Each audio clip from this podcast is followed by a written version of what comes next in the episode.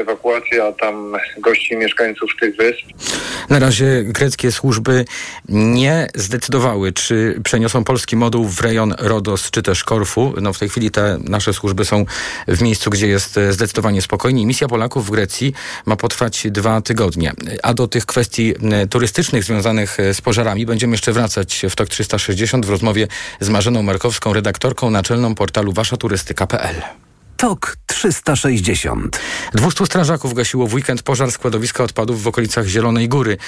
Politycy opozycji alarmują, że takich właśnie pożarów może być znacznie więcej i apelują do rządu o zajęcie się sprawą nielegalnych wysypisk, których jest mnóstwo w Polsce, no w całym kraju. E, z wyliczeń przedstawionych przez polityków wynika, że może być ich nawet 400. O szczegółach Monika Zdziera. Na Mazowszu to m.in. Wołomin i Ryczołek. Wymieniają Jan Grabiec i Kamila Gasiuk-Pichowicz z Koalicji Obywatelskiej. W Wołominie trzy miesiące temu burmistrz odkryła składowisko niebezpiecznych odpadów. Mamy tam do czynienia, cytuję, z kilkunastoma tysiącami ton odpadów w opakowaniach. W Ryczołku mamy składowisko 9 tysięcy metrów sześciennych. Znajdują się tam odpady o właściwościach żrących, mutagennych, łatwopalnych, rakotwórczych. Politycy twierdzą, że ani wojewodowie, ani Ministerstwo Klimatu nie podejmują żadnych działań, żeby przeciwdziałać katastrofie, argumentując, że usuwanie odpadów to zadanie samorządów. Ale tych na to nie stać. Szacowany koszt utylizacji odpadów tylko ze składowiska w Ryczołku to nawet 55 milionów złotych, a cały budżet gminy to 40 milionów. Mówiła reporterka TOK FM Monika Zdziera. Polska 2050 domaga się wyjaśnień w tej sprawie od premiera Mateusza Morawieckiego. Lider ugrupowania Szymon Hołownia mówi o o potrzebie rozprawienia się z mafiami śmieciowymi. Czy Polska to jest naprawdę Neapol, żeby oddawać dzisiaj kontrolę nad państwem, nad naszym bezpieczeństwem mafiom? W Zielonej Górze nasze struktury od trzech lat, jeszcze jak nie było partii, wołały do władz i lokalnych, i samorządowych, i centralnych. Zróbcie coś z przylepem, zróbcie coś z tym składowiskiem. Ono tam jest od 2000, czy było od 2014 roku. Polityki rządu broni natomiast e, minister środowiska i klimatu. E, Anna Moskwa zapewniła, że w ostatnich latach wprowadzony został zakaz sprowadzania do Polski odpadów niebezpiecznych, a odpady na to konkretne składowisko trafiły w latach 2012-2015. E, z kolei prezydent Zielonej Góry wskazuje, że Urząd Marszałkowski przez pięć lat nic nie zrobił, by wyegzekwować dane o odpadach od firmy odpowiedzialnej za to miejsce. A ten temat także powróci jeszcze w podsumowaniu dnia w rozmowie z doktorem Markiem Goleniem z Katedry Ekonomiki i Finansów Samorządu Terytorialnego. E, pan doktor jest także kierownikiem poddyplomowych studiów zarządzania gospodarką odpadami SGH. Podsumowanie dnia w Radiu TOK FM. Atak dronami na Moskwę w nocy z niedzieli na poniedziałek, w tę minioną noc, był operacją specjalną wywiadu wojskowego Ukrainy, informuje portal e, RBK Ukraina, który powołuje się na źródła w ukraińskich służbach specjalnych. Mer Moskwy podał, że jego miasto zaatakowały dwa drony. Jeden z nich, jak donosi niezależny portal Meduza, trafił w centrum biznesowe, a drugi spadł niedaleko gmachu y, rosyjskiego resortu obrony. Wydarzenia w Rosji komentowała w TOK Anna Łabuszewska, autorka bloga w Tygodniku Powszechnym 17 mgnień Rosji. To, co wiemy, wiemy z Telegramu czy innych mediów społecznościowych, które mogą zamieszczać y, materiały fotograficzne czy filmiki krótkie. Y, widać, że mm, dron uderzył w budynek y, należący do Ministerstwa Obrony E, tam e, z tego, co mówił Christo Grozew, e, dziennikarz z grupy Bellingcat, która zajmuje się mm, dziennikarstwem śledczym, on twierdzi, że tam się znajduje mm, między innymi taki oddział ćwiczony przez GRU, do, czyli wywiad wojskowy do mm, wysyłania agentów za granicę, a także do ataków hakerskich. Usłyszeliśmy w audycji połączenie u Jakuba Janiszewskiego. No, to nie jedyny atak dronami na rosyjskie obiekty, bo zaatakowany został również magazyn amunicji w mieście Dżankoj na okupowanym przez Rosję Krymie. Ten poniedziałek to także komentarze do niedzielnego spotkania białoruskiego dyktatora Aleksandra Łukaszenki z Władimirem Putinem. Łukaszenka powiedział, że stacjonujący na Białorusi najemnicy z grupy Wagnera, tu cytat, prosili o pozwolenie ruszenia na zachód, chcą się wybrać na wycieczkę do Warszawy i do Rzeszowa. Koniec cytatu.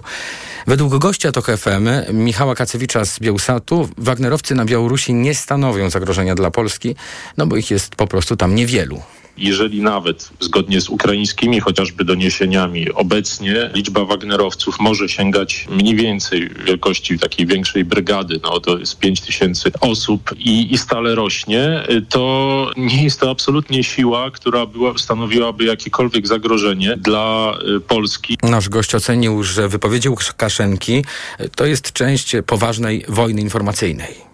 Ma ono na celu wywoływanie paniki w e, Polsce, także poniekąd na Ukrainie czy na Litwie i po prostu budowanie pewnego napięcia wokół faktu, że akurat teraz przez, czy też przez jakiś czas grupa Wagnera znalazła się pod opieką Łukaszenki. Część najemników z grupy Wagnera e, przebywa właśnie na Białorusi e, od nieudanego puczu ich przywódcy Jewgenija Prigorzyna na Kreml z końca czerwca. Dzisiaj wieczorem kolejne rozmowy polityków opozycji w sprawie paktu senackiego. E, w tym tygodniu możliwe jest także spotkanie liderów PO, Lewicy, Polski 2050 i PSL-u, na którym podjęte mają być ostateczne decyzje, e, także te w sprawie dziesięciu e, spornych okręgów. Pakt senacki zakłada, że w danym okręgu partie opozycyjne wystawiają spośród siebie tylko jednego kandydata.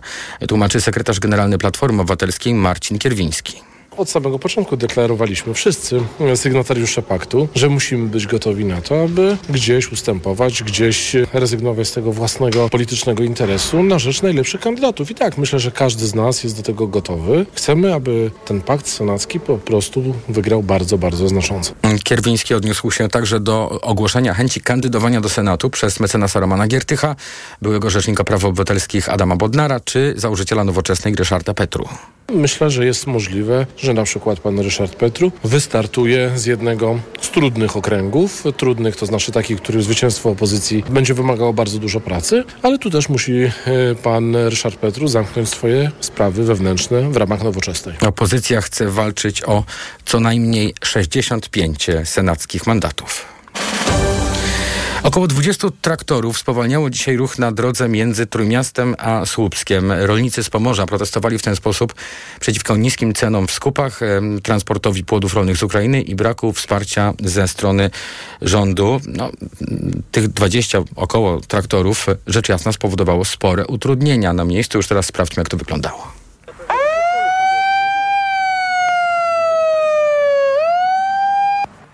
Koledzy rolnicy Rozpoczynamy dzisiejszy spontaniczny protest. Wszyscy równo. Żądamy godnej zapłaty za, nasze, za naszą ciężką pracę. Polski rolnik, jest to stwierdzone, w całej Unii Europejskiej pracuje najdłużej, najciężej. A proszę Państwa, ceny jakie dostajemy to, to jest jakaś jałmużna, żebyśmy tylko przeżyli, bo nic więcej. Dzisiaj przy zbożu za 500 zł to się koszty nie zwracają. Prosimy o wsparcie w, w sprawach ekonomicznych, bo nie ukrywajmy, przecież ceny, które się teraz w tej chwili proponuje rolnikom za płody rolne i za żywiec, za um, owoce miękkie czy za mleko, to są ceny z, przed wejściem do Unii, tak? To takie ceny funkcjonowały w, w latach 2003-2004. Nikt nas nie słucha, nikt... Nie reaguje odpowiednio, tak, nasze słowa idą gdzieś tam niwecz, tak. Liche lata są teraz na rozbudowę, na inwestycje, na mleko nam płacą po 90 parę groszy i się śmieją nam w oczy. Wszyscy ci, co produkują, co robią, mają mniej, mamy mocne obostrzenia, nie możemy wszystkiego robić to, co do tej pory robiliśmy, co też wpływa na nasz ujemny bilans ekonomiczny i apelujemy do rządu, do wszystkich. Cały czas tylko koszta, koszta, a zysku żadnego, a człowiek chce się rozwijać, nie? My rozumiemy, my naprawdę rozumiemy, że jest wojna, że to my musimy też jakiś ciężar ponieść. Ale to nie może być tak, że cały ciężar na nas spływa, a ich władza, która tutaj jest w terenie, y, ludzi, którzy mają tu w służbach otaczających rolnictwo, działa ewidentnie przeciwko nam. Problemem KOWR jest sprzedaż y, ziemi polskiej Niemcom. Ona ma wrócić do polskich rolników, do tych młodych chłopaków, którzy chcą się rozwijać, chcą rozwijać gospodarkę polską i nie rozumie, dlaczego rządzący wspierają kapitał zagraniczny, który nie zagłosuje na nich w wyborach, który nie da żadnego poparcia. Holandia, Niemcy, Duńczycy, oni cały czas atakują Polskę, a dzisiaj nasi rządzący to są jacyś kolaboranci chyba, bo cały czas wspierają tamte firmy, przedsiębiorstwa, a nie chcą wspierać polskich rolników. Ja tego nie mogę zrozumieć. A jeżeli chodzi o spółki z kapitałem niemieckim, to na Hama za wszelką cenę próbują im przedłużyć umowy dzierżawy w bezczelny sposób. My se urobimy na wszystko, my zarobimy tak jak każdy, który chodzi do pracy, tak? Ale żeby były te ceny jakieś stabilne żeby w końcu się zabrali za to. Nikt tu nie ma żadnych aspiracji, nikt nie chce startować w żadnych wyborach, nikt sobie tu żadnej kampanii robi. My chcemy tylko normalnie, ciężko pracować i chcemy przekazać w przyszłości gospodarstwa naszym dzieciom. To jest strajk ostrzegawczy, tak. to nie jest strajk. To na razie robimy tylko protest taki informacyjnie, informacyjnie tak? że tak. ludzi tylko nie chcemy ludzi drażnić, że my coś tutaj chcemy ludziom na złość zrobić, czy krzywdę komuś, nie? Jeżeli nie będzie w tym tygodniu żadnych tutaj interwencji ze strony rządzących, jeżeli nie będzie tutaj żadnych żadnych działań, to już od przyszłego tygodnia będziemy jeszcze radykalniej blokować albo trasę kaszubską jeszcze mocniej, albo obwodnicę Trójmiasta. Proszę Państwa, zablokujemy całą Polskę obwodnicą Trójmiasta. Jak staniemy na węzłach Pruszcz Gdański tam dalej, to stanie cała autostrada i wtedy zobaczymy, jak wyjdą te wybory tym panom rządzącym i jak oni się tu obronią przed tym. Czego oczekujecie po tym dzisiejszym wyjeździe na ulicę? Lepszych stawek za, za zboża, za mleko, mniejszych kosztów nawozów i szacunku do pracy rolnika.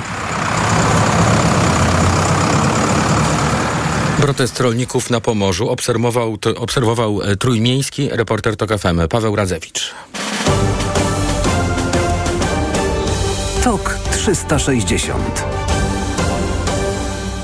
to podsumowanie dnia w Radiu Tok FM, w którym już teraz y, o prawicy, która wygrywa wybory w Hiszpanii, ale zabraknie jej mandatów, y, żeby stworzyć rząd. A to oznacza, że prawdopodobnie u władzy pozostaną socjaliści, którzy jednak y, znowu będą potrzebować poparcia małych ugrupowań z kraju Basków i Katalonii. I teraz informacja dzisiejszego popołudnia, właściwie sprzed chwili, dotycząca tego, że katalońska lewica jest gotowa warunkowo poprzeć nowy rząd Sancheza. Informację w tej sprawie potwierdziła rzecznik prasowa tego separatystycznego ugrupowania Marta Villalta. Hiszpania wyraziła się bardzo jasno, mówił przed siedzibą socjalistów ich lider i obecny premier Pedro Sánchez. Wsteczny blok, który chciał anulować cały postęp, jakiego dokonaliśmy w ciągu ostatnich czterech lat, poniósł porażkę. Nie przejdą, e, tak e, odpowiedział mm, takim właśnie antyfaszystowskim zawołaniem tłum. E, prawica robi dobrą minę do złej gry. Lider Partii Ludowej zapowiedział, że będzie próbował utworzyć rząd, ale Alberto Núñez Feijo nie może liczyć właśnie na poparcie partii z kraju Basków i Katalonii, a bez nich nie ma mowy o większości. Wyniki hiszpańskich wyborów komentowała w TOK FM Kalina Błażejowska z Tygodnika Powszechnego. Zdecydowanie Vox jest największym przegranym tych wyborów e, i ma stracił 19 posłów. Lider Vox e, w swoim wystąpieniu Santiago Abascal zwalił to, ten wynik wyborczy zwalił na fałszywe sondaże, które, które rzekomo sprawiły, zdemobilizowały wyborców Voxu. Natomiast no, jest, to, jest to zagadka, e, ale też wydaje się, że paradoksalnie Voxowi nie pomogło to, że rządzi już w niektórych e, prowincjach, dlatego że po wyborach 28 maja regionalnych w części, w części hiszpańskich wspólnot autonomicznych zaczęła rządzić koalicja właśnie Partido Popular z Voxem. E, I okazało się, że to naprawdę to, to nie jest tylko jakaś taka, no może bardziej radykalna prawica, tylko to rzeczywiście jest skrajna prawica, która podejmuje różne skrajne decyzje dotyczące na przykład cenzury teatrów. I być może jednak Hiszpanie stwierdzili, że jest to partia zbyt radykalna. Według komentatorów kraj znalazł się w rękach separatystów, których poparcie jest kluczowe dla utworzenia rządu. Niepewne scenariusze polityczne nie wykluczają blokady i konieczności przeprowadzania jednak nowych wyborów, które odbyłyby się w grudniu. Taka, taki scenariusz wciąż wchodzi w grę, a całą rozmowę na ten temat znajdą Państwo w podcastach na tokfm.pl i w naszej aplikacji mobilnej. Izraelski parlament przyjął jeden z najważniejszych elementów kontrowersyjnej reformy sądownictwa, ograniczającej e, uprawnienia Sądu Najwyższego. Wcześniej e, niepowodzeniem zakończyły się rozmowy w sprawie kompromisu dotyczącego tej ustawy. E, pod auspicjami prezydenta Izraela Itzhaka Herzoga te rozmowy się odbywały. A przed głosowaniem w całym kraju nasiliły się protesty. Giełda w Tel Awiwie odnotowała spadek. Na wartości stracił również izraelski szekel. Przeciwko ustawie od tygodni już protestują tysiące Izraelczyków.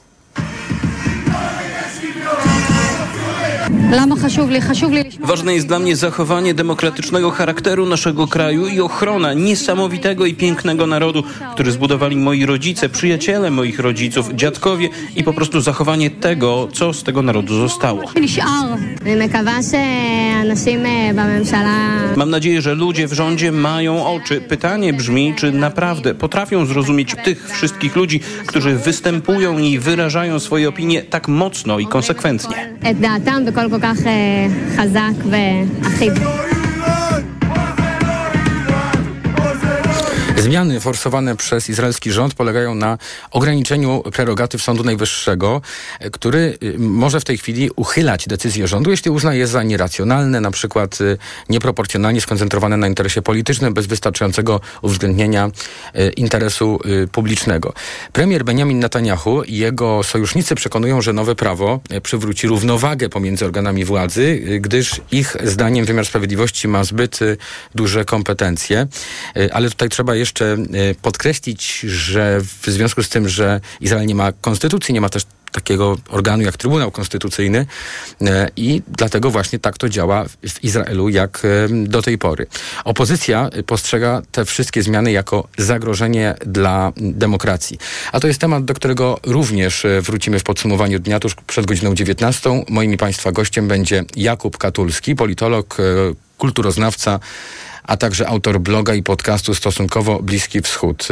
A wcześniej, w, właściwie na samym początku części e, z komentarzami w podsumowaniu dnia pojawi się Marzena Markowska, redaktorka naczelna portalu waszaturystyka.pl. Porozmawiamy o sytuacji w Grecji, o pożarach i o przełożeniu tego wszystkiego na turystykę właśnie.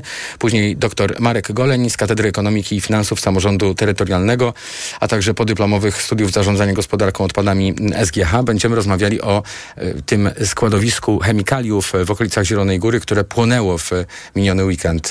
Jak to jest, że takie składowiska w ogóle mamy y, w Polsce? O tym wszystkim dzisiaj w podsumowaniu dnia. Już teraz sprawdzamy, co za oknami. Pogoda. Jeśli chodzi o dzisiejsze przewidywania synoptyków, y, to może zacznijmy od tego, że w, mamy ostrzeżenia przed burzami, które obowiązują na północy i na południu kraju. Lokalnie y, tam przejdą nawet bu, burze z gradem. Jeśli chodzi o noc, to deszczowo będzie prawie w całej Polsce. Termometry pokażą od 13 do 20 stopni. Jutro popada na północy i na południu, a na termometrach od 20 stopni na północnym zachodzie do 28 na wschodzie kraju. Radio TOK FM. Pierwsze radio informacyjne. Reklama. Ikonę stylu rozpoznasz po złowionych spojrzeniach. Nowy Lexus LBX. Crossover pełen ultranowoczesnych technologii. Przygotuj się na najmodniejszą premierę roku. Nowy Lexus LBX. Łowca spojrzeń. Zapraszamy na pokazy przedpremierowe. Szczegóły na lexusmyślnikpolska.pl Lexus. Elitarny w każdym wymiarze. Nie miałem zielonego pojęcia, że fotowoltaikę do piekarni mogę mieć w leasingu. A ja, że tyle zaoszczędzę biorąc samochód elektryczny w leasing. A my nie mieliśmy zielonego pojęcia, że można to połączyć. Dobrze, że Santander je ma. Poznaj ofertę zielonego finansowania. Otwórz konto firmowe. Santander Bank Polska pomaga prowadzić biznes. Zielone finansowanie to produkty finansowe, leasing lub pożyczka oferowane przez Santander Leasing. Szczegóły oferty dostępne są w placówkach Santander Bank Polska, u doradców leasingowych i na santander.pl ukośnik zielone pojęcie. Reklama. TOK 360 W programie teraz o pożarach w Grecji. W ubiegłym tygodniu już poruszaliśmy ten temat, e, no ale tym razem e, mowa jest o e, pożarach na wyspie Rodos, która jest rzecz jasna wyspą turystyczną, celem wielu wycieczek. W związku z tym opinia publiczna europejska tutaj jest bardzo zainteresowana tym, co się dzieje z mieszkańcami różnych państw, którzy tam po prostu wypoczywają. Z całej wyspy ewakuowano około 30 tysięcy osób a o wpływie na e, turystykę e, tych wszystkich pożarów będziemy teraz rozmawiali z Marzeną Markowską, redaktorką naczelną portalu waszaturystyka.pl. Dzień dobry, witam w Radiu Tok FM. E, dzień dobry panu, dzień dobry państwu. Na początek chciałem panią zapytać, co możemy powiedzieć osobom, które albo mają wykupiony bilet na RODOS, albo no pewnie nas nie słuchają osoby, które tam utknęły, czy, czy były ewakuowane. Ale jak mają sobie klienci poradzić z tą sytuacją? E, a do której grupy się teraz zwracamy? Do no to może zacznijmy od, zacznijmy od tych, e, którzy w tej chwili gdzieś wyjechali stamtąd. Co, co wiemy o, o tym, co się dzieje z klientami mhm. podróży i jakie oni mają prawa w tej sytuacji? No, na antenie Radia BBC zwrócił się do nich minister e, turystyki Grecji w takim dość uspokajającym tonie. Mm, obszar zagrożenia to jest mniej więcej od 10 do 20% na, na południu wyspy, także to nie, nie jest tak, że oczywiście cały Rodos płonie. To jest, to jest pewien obszar, który jest objęty tą e, bardzo e, niebezpieczną sytuacją, natomiast nie ma ona wpływu na wypoczynek wszystkich e, turystów, którzy przebywają na Rodos, aczkolwiek oczywiście no, w innych hotelach, innych rejonach mogli pojawić się, e, mogły pojawić się osoby relokowane z tych obszarów, które no, właśnie spłonęły, czy też były objęte jakimś zagrożeniem, że ten ogień się rozprzestrzeni. E, z tego, co e, nam wiadomo, no, kilkuset polskich turystów musiało, musiało się ewakuować. E, sytuacja oczywiście bardzo, bardzo nieprzyjemna i przykra. Mhm. Natomiast greckie służby koordynowały te ewakuacje na tyle, na ile były w stanie przy pomocy rezydentów biur podróży, którym oczywiście też telefony się urywały, więc no, ta nerwowość jakaś w pewnym momencie z pewnością występowała, no bo była to sytuacja mocno stresująca i kryzysowa, natomiast e, no, no, siła wyższa, e, co można powiedzieć, e, aby jednak mimo wszystko mhm. starać się zachować spokój i podjąć jakieś decyzje, jak biura podróży umożliwiają albo powrót, e, albo zmianę e, hotelu na taki, który znajduje się w innej części wyspy, która nie jest e, objęta tym zagrożeniem. Mhm. I co w tej sytuacji? E, w, e, wracamy do kraju, mhm. czyli przerywamy wakacje, za które zapłaciliśmy. Tak. Co możemy zrobić? No, trzeba przede wszystkim e, być w kontakcie z dostawcą usług i sprawdzić warunki umowne ci, którzy przebywają na wakacjach z biurami podróży, tych obowiązuje ustawa o imprezach turystycznych i powiązanych usługach turystycznych. Mowa o tych, którzy wykupili pakiet u legalnie zarejestrowanego organizatora turystyki i tam występują bardzo ściśle określone zasady tych umów, określone w tej ustawie. Istnieje też artykuł 47, który określa pojęcie siły wyższej i e, odpowiedzialność organizatora w tym zakresie. Sądzę, że tym turystom, którzy przerwą e, wypoczynek, e, należy się po prostu zwrot e, tej części kosztów, które nie zostały e, wykorzystane na poczet pobytu. To teraz powiedzmy o sytuacji klientów biur podróży, którzy no, planowali na, nie wiem, dzisiaj, za mhm. tydzień mhm. wyjazd w te miejsca mhm. objęte czy też dotknięte skutkami pożarów. Co z nimi? Tak, no tutaj y, niektóre wyloty odbyły się w ogóle już dzisiaj na RODOS y, i część klientów zdecydowała się polecieć. Y, raczej rezygnowano z tych wyjazdów do obszarów objętych bezpośrednio pożarami i tutaj biura podróży mają obowiązek zapewnić jakąś alternatywę dla tych klientów, którzy, którym nie, nie mogą po prostu zrealizować usług. E, proponują na przykład zmianę daty albo miejsca e, pobytu. Mm, I tutaj też zastosowanie mają oczywiście przepisy bardzo ściśle regulujące i chroniące konsumenta. One, one pochodzą z e, dyrektywy europejskiej, która została implementowana na grunt polskiego prawa w 2017 roku. Także tutaj te obowiązki są bardzo ściśle określone, ale jeśli ktoś ma wylot na przykład za tydzień, nie mówię o wylotach dzisiejszych w tym momencie, no to ja bym radzała po prostu śledzenie sytuacji, ponieważ może się okazać, że ona zostanie e, wkrótce opanowana. Już na pewno te, ten kryzys jest e, mniejszy w mniejszym wymiarze niż jeszcze to miało miejsce w sobotę, kiedy w ogóle nie wiadomo było, jak ten o, pożar się rozprzestrzeni, na jakie części wyspy, na które hotele. Myślę, że mm, raczej poczekałabym na rozwój sytuacji, e, tak samo jak robią to biura podróży, które, które są w, e, w stałym kontakcie ze swoimi ludźmi na miejscu i z rezydentami i ze służbami i po prostu będą podejmowały decyzje e, w, w zgodzie z tym, co będzie bezpieczne dla klientów. Takie przeniesienie gości do innego hotelu, czy też y, powrót do kraju, wcześniejszy powrót y, do kraju, to jak sądzę są dodatkowe koszty dla biur podróży. Czy skala tego, o czym mówimy, jest na tyle duża, żeby polskie biura podróży mogły wpaść w jakieś kłopoty? Po pierwsze, nie, to nie jest aż taka skala. Tam mowa o setkach klientów, a polskie największe biura podróży obsługują ich rocznie miliony.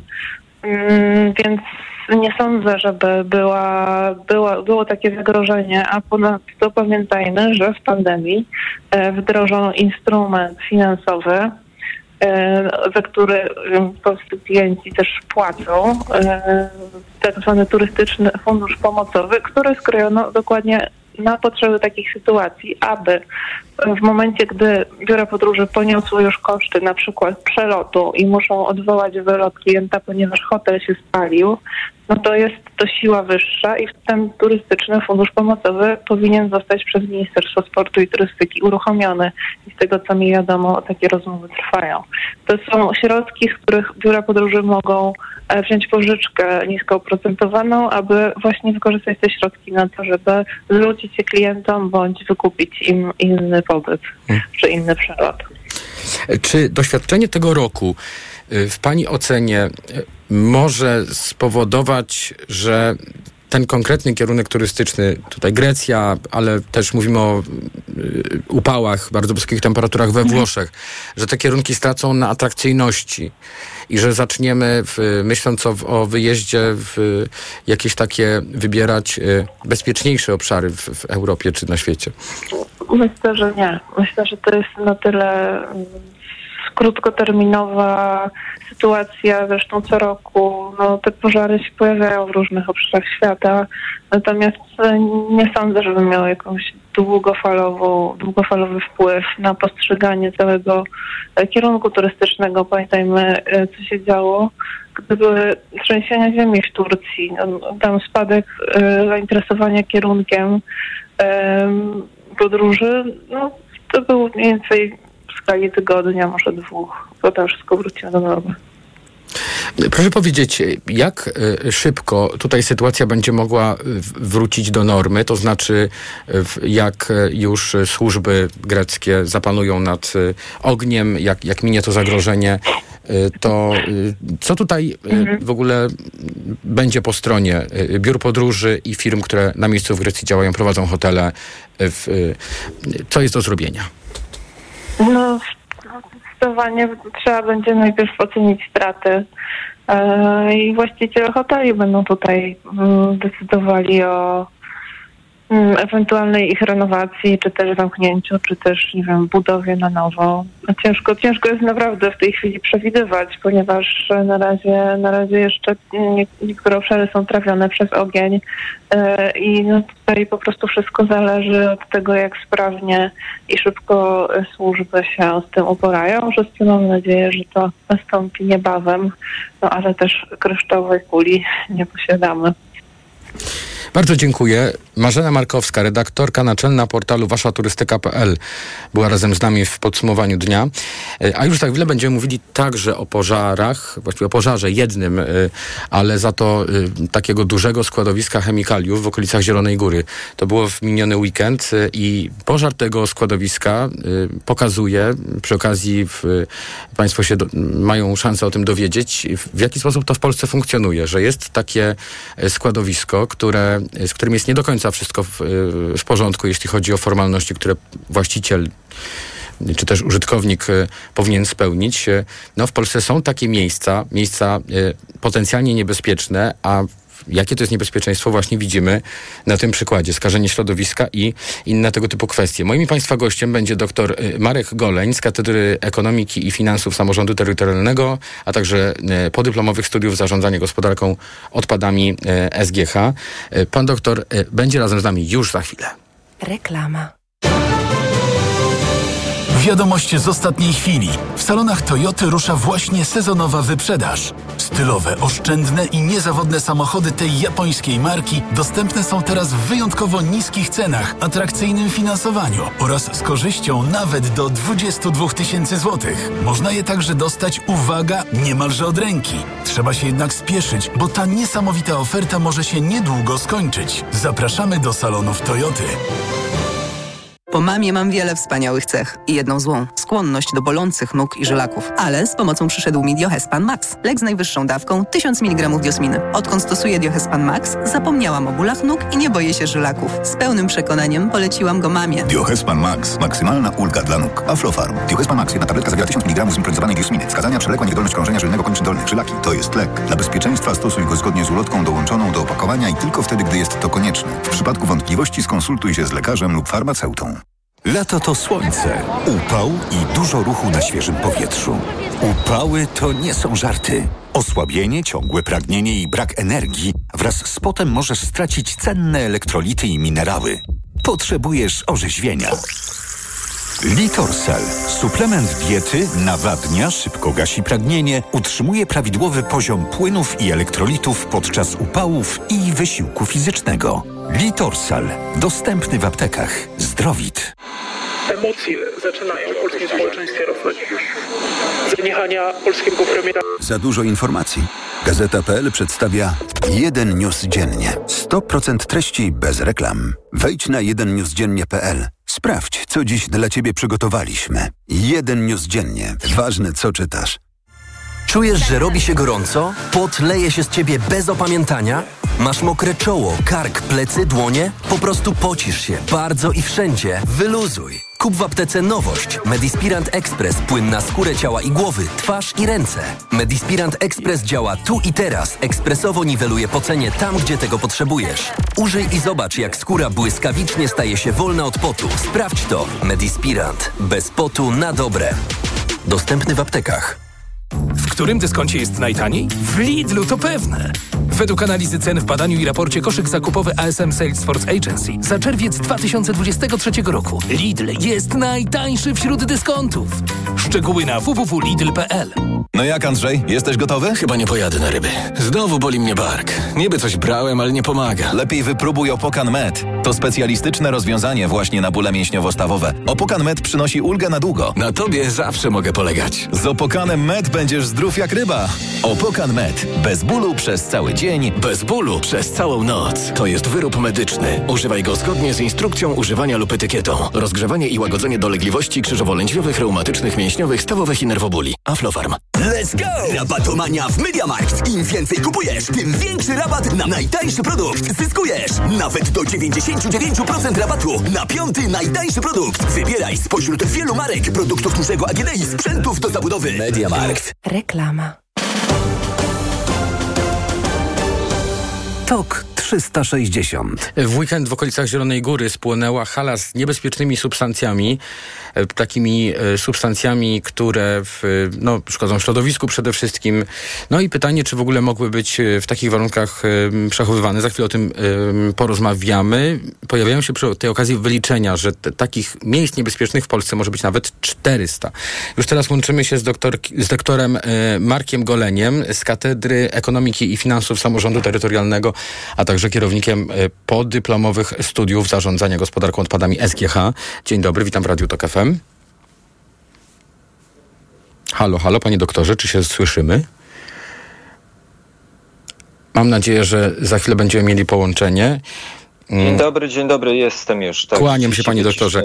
No i właśnie, chciałem zapytać e, pana na wstępie może o takie podsumowanie, co płonęło, czy to, co tam się znajdowało, e, było we właściwy sposób zabezpieczone, czy, czy my w ogóle wiemy na ten temat, czy mogło się tam znajdować? Jakby pan to podsumował? Z tego co wiem, było to nielegalne miejsce magazynowania takich odpadów, więc y, to nawet pewnie i służby nie wiedzą dokładnie, co tam było zgromadzone. E, a co dopiero człowiek, który siedzi w Warszawie. A jakie y, mogą być y, skutki tego pożaru, chociaż częściowo pan już odpowiedział, no bo skoro nie wiemy, co tam było dokładnie, to trudno te skutki oszacować, ale w, jakby pan to mógł jakoś nakreślić, nie wiem, wody, zanieczyszczenie właśnie wód, powietrza. Martwię, mhm. Najbardziej się martwię o, o skutki akcji gaśniczej, dlatego że tam, się, no, tam została wlana ogromna ilość wody. No i ta woda przesiąknie do gruntu. E, razem z tymi chemikaliami oczywiście, bo nie wszystko się spala. E, więc to może być największe zagrożenie środowiskowe, no ale z racji tego, że ja nie jestem e, inżynierem ochrony środowiska, a jedynie ekonomistą, to, to tutaj lepsi specjaliści na pewno będą w stanie powiedzieć coś na temat zagrożeń środowiskowych. Mhm. Panie doktorze, co ta sprawa y, y, nam mówi o systemie kontroli nad odpadami w Polsce? Na ile państwo się w ogóle wywiązuje z obowiązku jakiegoś regulowania tych, tych spraw? Gdzie znajdują się składowiska, wysypiska? Czy my o nich wiemy? Jeśli nie wiemy, to, to dlaczego nie można, nie wiem, jakimiś dronami tego sprawdzać? Jakby pan to skomentował? No, sytuacja jest trudna, dlatego że z tego co wiem, ten magazyn, bo w ogóle my w odpadowcy nie mówimy na takie miejsca składowisko, e, tylko magazyn i to na dodatek nielegalny, to jest jeden z bardzo wielu tego typu problemów na terenie Polski. Liczbę takich obiektów się szacuje przynajmniej na kilkaset. E, I kilkaset to nie znaczy 200, ale raczej więcej niż 400. E, tego typu obiekty powstają czasami z dnia na dzień, ponieważ grupy przestępcze potrafią być bardzo sprawne w zapełnianiu e, swoich, e, nie wiem jakby to nazwać, melin, e, jakichś właśnie stodół, magazynów odpadami niebezpiecznymi. I mm, z tym będzie jeszcze dość długo problem, dlatego że mm, nasze prawo oraz nasze instytucje, które są zobowiązane do zwalczania takich patologii, e, są nie dość sprawne w tym e, zwalczaniu. Czy tutaj problemem są e, przepisy, brak odpowiednich przepisów, czy może w ogóle nie posiadamy jakichś regulacji, czy też podchodzenie do swoich obowiązków przez instytucje państwowe? W mojej ocenie jako ekonomista mogę powiedzieć, że największym problemem są pieniądze, dlatego że instytucje, które są do tego powołane, y, wydają się być mocno niedofinansowane. Ja powiem panu osobiście, że ja bardzo chętnie bym został inspektorem ochrony środowiska i zwalczał tego typu patologie, ale potrzebowałbym dwóch, y, dwóch warunków do tego, żeby się zająć taką pracą. Po pierwsze, musiałbym mieć pełną świadomość, że zajmę się zwalczaniem realnej przestępczości, a nie bieganiem za dokumentami legalnych przedsiębiorców, którzy y, pod jarzmem instytucji ochrony środowiska czasami po prostu mają mocno związane ręce z dłuższoną działalność. Y, a po drugie, chciałbym w takiej pracy godziwie zarobić, a z tego co jest mi wiadomo, e, inspektorzy ochrony środowiska to nie są krezusi i e, nie będę tutaj oczywiście niczego konkretnego mówił, ale e, korupcja w tych instytucjach nie jest niczym nadzwyczajnym, dlatego że ci ludzie po prostu nie zarabiają godziwie. Skąd, panie doktorze, są te odpady? Bo słyszymy o sytuacjach, gdzie jakaś y, solidna, często państwowa firma jest źródłem tych odpadów, a później trafiają one w ręce w jakiejś firmy, która jest, nie wiem, słupem, w, w ostatnie ty, tygodnie pokazują taki, takie przykłady właśnie. W, gdzie jest źródło, czy można wskazać jedno? Nie, tych źródeł jest wiele. Przemysł generalnie generuje ogromną ilość odpadów niebezpiecznych ze względu na to, że e, tak wygląda nasz model gospodarczy. My mamy e, produkować super jakości produkty, no i do tego są potrzebne różnego rodzaju chemikalia. No tak w skrócie. I nie jest to wyłącznie przemysł polski, czy też jak to by niektórzy politycy chcieli, zachodni. E, to no, źródło tych zanieczyszczeń jest po prostu w naszym modelu konsumpcji. E, I każdy przedsiębiorca, który coś produkuje, gdzieś na końcu swojej produkcji e, niemalże każdy ma jakieś odpady. No i nawet jeśli chce się ich legalnie pozbyć, to gdzieś na końcu łańcuszka dostaw pomiędzy przedsiębiorcami może się znaleźć nieuczciwa firma, która zechce te odpady gdzieś porzucić. E, to jest bardzo lukratywny biznes, dlatego że unieszkodliwienie odpadów niebezpiecznych e, to jest, y, to jest bardzo drogie. No to jest powyżej tysiąca złotych za tonę, żeby coś takiego unieszkodliwić. E, w tej chwili tysiąc złotych to już nawet zwykłe odpady komunalne kosztują, więc jeżeli ktoś znajdzie sposób na to, żeby, y, żeby taniej coś zrobić, czyli na przykład porzucić w jakimś miejscu, e, to e, zawsze będzie mieć przewagę konkurencyjną mhm. nad y, legalnie działającymi firmami, które zechcą to unieszkodliwiać y, w legalnie działających instalacjach. Zwłaszcza, że te instalacje w Polsce są zakolejkowane na kilka lat do przodu. Po prostu nie ma możliwości infrastrukturalnych unieszkodliwiania takich odpadów na bieżąco. Mhm. To, to może. Z roku na rok ta górka tych odpadów ciągle rośnie i, i będziemy się dokopywać coraz głębiej e, miejsc, w których one są e, porzucane, bo, bo trudno tu mówić właśnie o składowaniu. To może potencjalnie jest to pole do popisu dla jakiegoś państwowego giganta, żeby w skoro, skoro nie wiem, wolny rynek nie, tego nie y, jest w stanie rozwiązać, y, mówię o powstawaniu takich właśnie spalarni czy miejsc unieszkodliwiania tych odpadów, to mo, może to jest droga?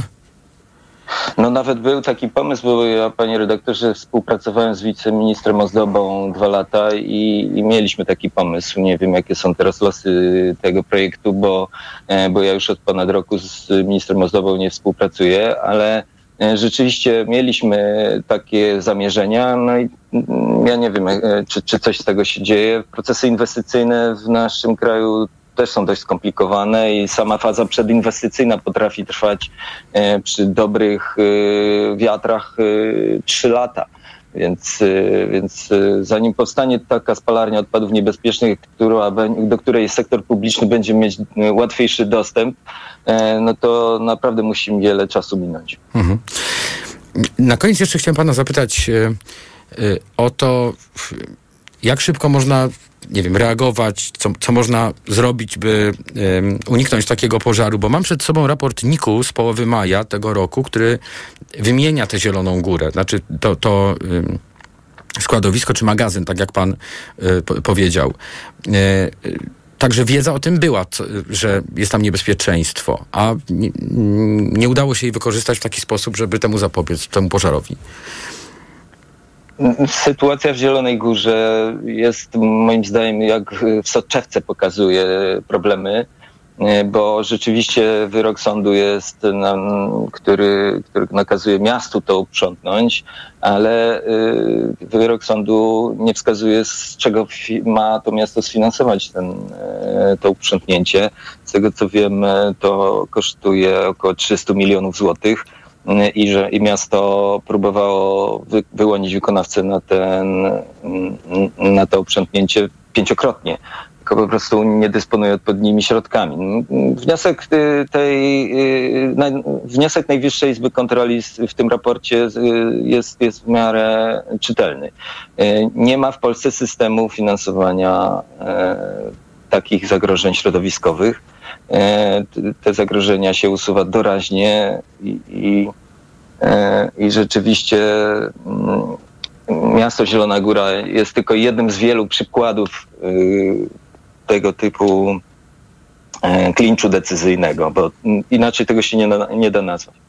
Doktor Marek Goleń z Katedry Ekonomiki i Finansów Samorządu Terytorialnego, także kierownik podyplomowych studiów y, zarządzania gospodarką odpadami SGH był razem z nami w podsumowaniu dnia. Bardzo dziękuję. A już za chwilę będziemy rozmawiali o reformie sądownictwa, tej y, izraelskiej reformie sądownictwa która już jest właściwie na, na takim kolejnym etapie. Dzisiaj Kneset podjął decyzję. Za chwilę o tym będziemy rozmawiali z Jakubem Katulskim, politologiem, kulturoznawcą, autorem bloga i podcastu Stosunkowo Bliski Wschód.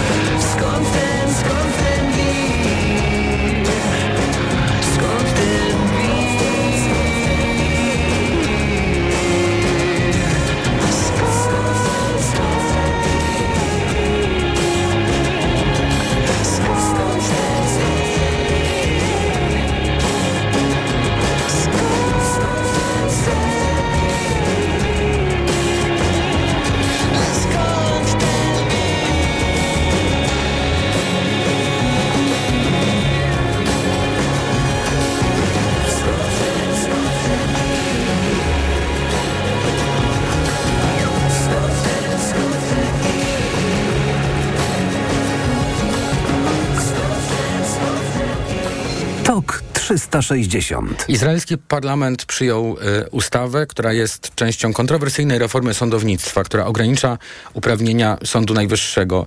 Tysiące Izraelczyków y, od wielu tygodni w związku z tymi zmianami protestują, uważając, że to jest zagrożenie dla demokracji. Na jakim etapie jest ta reforma? O to będę pytał y, w tej chwili Jakuba y, Katulskiego, politologa, kulturoznawcę, autora bloga i podcastu Stosunkowo Bliski Wschód. Y, Dzień dobry, witam w Radiu Tok FM. Dzień dobry, dziękuję za zaproszenie. No właśnie na wstępie chciałem pana zapytać, to jest y, część tej reformy. Jak ważna część y, i y, na ile tutaj istotna zmiana tą decyzją Knesetu dzisiejszą nastąpiła?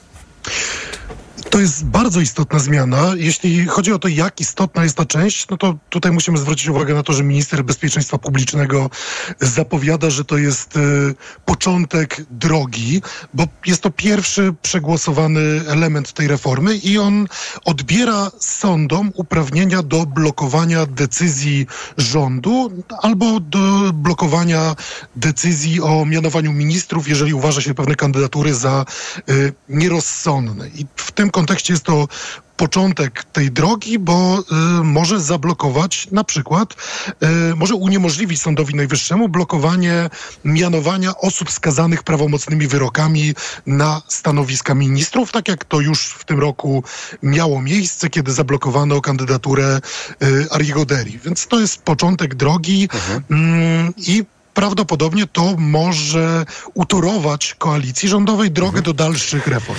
Z polskiego punktu widzenia to trochę dziwnie brzmi. To znaczy ta y, w, ocena zasadności y, de, decyzji, y, którą podejmuje polityk, y, y, premier na przykład, y, ta, ta sądowa kontrola, bo u nas to, to trochę inaczej y, w, wygląda, ale w związku z tym, że w Izrael nie posiada y, konstytucji i tam jest inny porządek prawny, to jakby pan to wytłumaczył naszym słuchaczom, zasadność tego, co było do tej pory?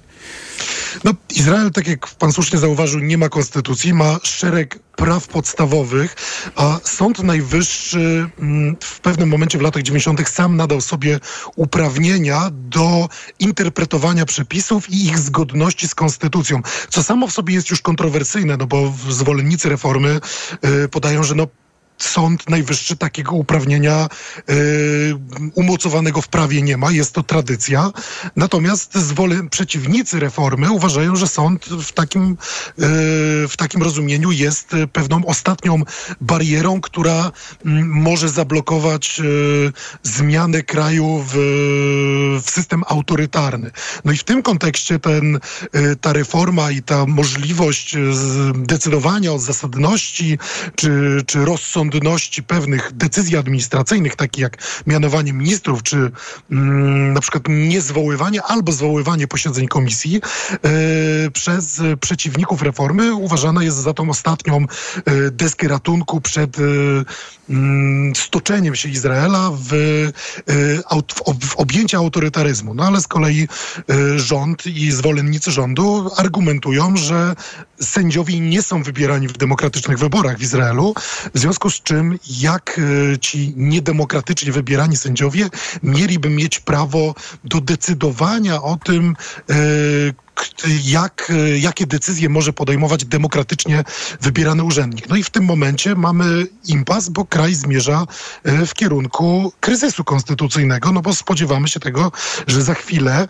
Sąd Najwyższy będzie decydował o tym, czy przegłosowane dzisiaj prawo po trzecim już czytaniu w Knesecie jest zgodne z konstytucją, czy też jest konstytucyjne, e, czy też nie. No mimo, że nie mamy tej konstytucji, no to czy jest zgodne z prawami podstawowymi. I tutaj mm, możemy się spodziewać potężnego kryzysu konstytucyjnego, no bo jednocześnie mamy izraelskich rezerwistów, izraelskich żołnierzy, którzy odmawiają służenia, jeżeli to prawo e, w tej formie mm, zostanie przyjęte i zostanie wprowadzone w porządek prawny. Na ostatniej prostej przed y, decyzją Knesetu y, po raz kolejny włączył się do całej tej sprawy y, prezydent Izraela, który dążył do wypracowania kompromisu. Nie udało się ponownie, y, y, a zatem obóz y, Benjamina Netanyahu z tymi skrajnie prawicowymi ugrupowaniami tutaj no, nie, nie odpuścił. Co tu się wydarzyło? Czy ta misja prezydenta była skazana na niepowodzenie? No, misja prezydenta, ciężko powiedzieć, czy była skazana na niepowodzenie. Na pewno prezydent e, starał się zająć czynną, mm, czynną pozycję w tym mediowaniu między opozycją a stroną rządową, no ale tym samym naraził się zwolennikom strony rządowej na oskarżenia, że sam jest elementem, e, sam jest elementem polityki opozycji, sam jest elementem obozu opozycyjnego, e, czym no, jego mediacje tak naprawdę spełzły na niczym. Z drugiej strony iść mieliśmy też e, polityków e, obozu rządzo, rz- rządzącego, którzy również starali się e, wypracować pewien kompromis. No w tym momencie wiemy, że minister obrony Joachim Galant dosłownie kilka minut temu zakomunikował, że on jeszcze dzisiaj próbował się przyłączyć i wy, wypracować ten kompromis, ale też mu się nie udało. Natomiast mamy też zapowiedzi tego, że dosłownie lada chwila y, głos ma zabrać premier Netanyahu, mimo problemów zdrowotnych i on też ma mm, nawet wezwać do dalszych dialogów. Y, Co to ma znaczyć i czy to będzie oznaczało, że Netanyahu mimo przegłosowania będzie chciał zawiesić reformę, która właśnie została przeprowadzona, no to dowiemy się jeszcze dzisiaj, y, jak już Netanyahu przemówi do izraelskich mediów. Izraelska opinia publiczna, Izraelczycy już raz trochę przyhamowali tę reformę. Wtedy głos zabierały w tej sprawie Stany Zjednoczone, została trochę odsunięta w czasie. Co y, z y, tymi protestami na tym etapie w tej chwili? Czy one się nasilają, czy gasną? Y, Jakie znaczenie ma, tu, ma tutaj głos y, społeczeństwa? Dzisiaj w, ty, w tej chwili e, rozkręcają się kolejne protesty, mimo że jest poniedziałek, zwykle te protesty są w soboty, te największe, później w inne dni są trochę mniejsze, ale dzisiaj obserwujemy, że pojawiają się protesty e, w różnych częściach kraju. Już w Tel Awiwie w tym momencie doszło do zablokowania e, autostrady Ayalon, to jest jedna z głównych arterii komunikacyjnych kraju. Policja stara się... I ona jest chyba regularnie blokowana w, w ramach tych protestów. Mhm. Tak, jest to takim jeden z najczęściej blokowanych punktów w kraju. Blokuje się też oczywiście port lotniczy Ben Guriona, port y, morski w Hajfie, no ale ta y, autostrada Ayalon jest blokowana regularnie. No i w tym momencie również już od kilkudziesięciu minut zbierają się demonstrujący i, zbiera, i starają się zablokować tą autostradę, więc możemy się tego spodziewać. Natomiast najważniejszym chyba krytycznym punktem y, tych demonstracji jest y, to, że rezerwiści, y, izraelscy żołnierze odmawiają służby. Mm, W tym momencie nawet opozycja wzywa do tego, żeby jednak ci rezerwiści nie odmawiali tej służby, przynajmniej dopóki głosu ostatecznie nie zajmie Sąd Najwyższy. I to będzie krytyczne. Jeśli Sąd Najwyższy zadecyduje, że ta, że to prawo jest niezgodne z izraelskim prawem podstawowym, e, no to w tym momencie będziemy mieli kryzys konstytucyjny, bo urzędnicy, sędziowie, oficerowie e, policji, wojska, e, praktycznie cały kraj będzie musiał zdecydować, czy najważniejsze jest to, co za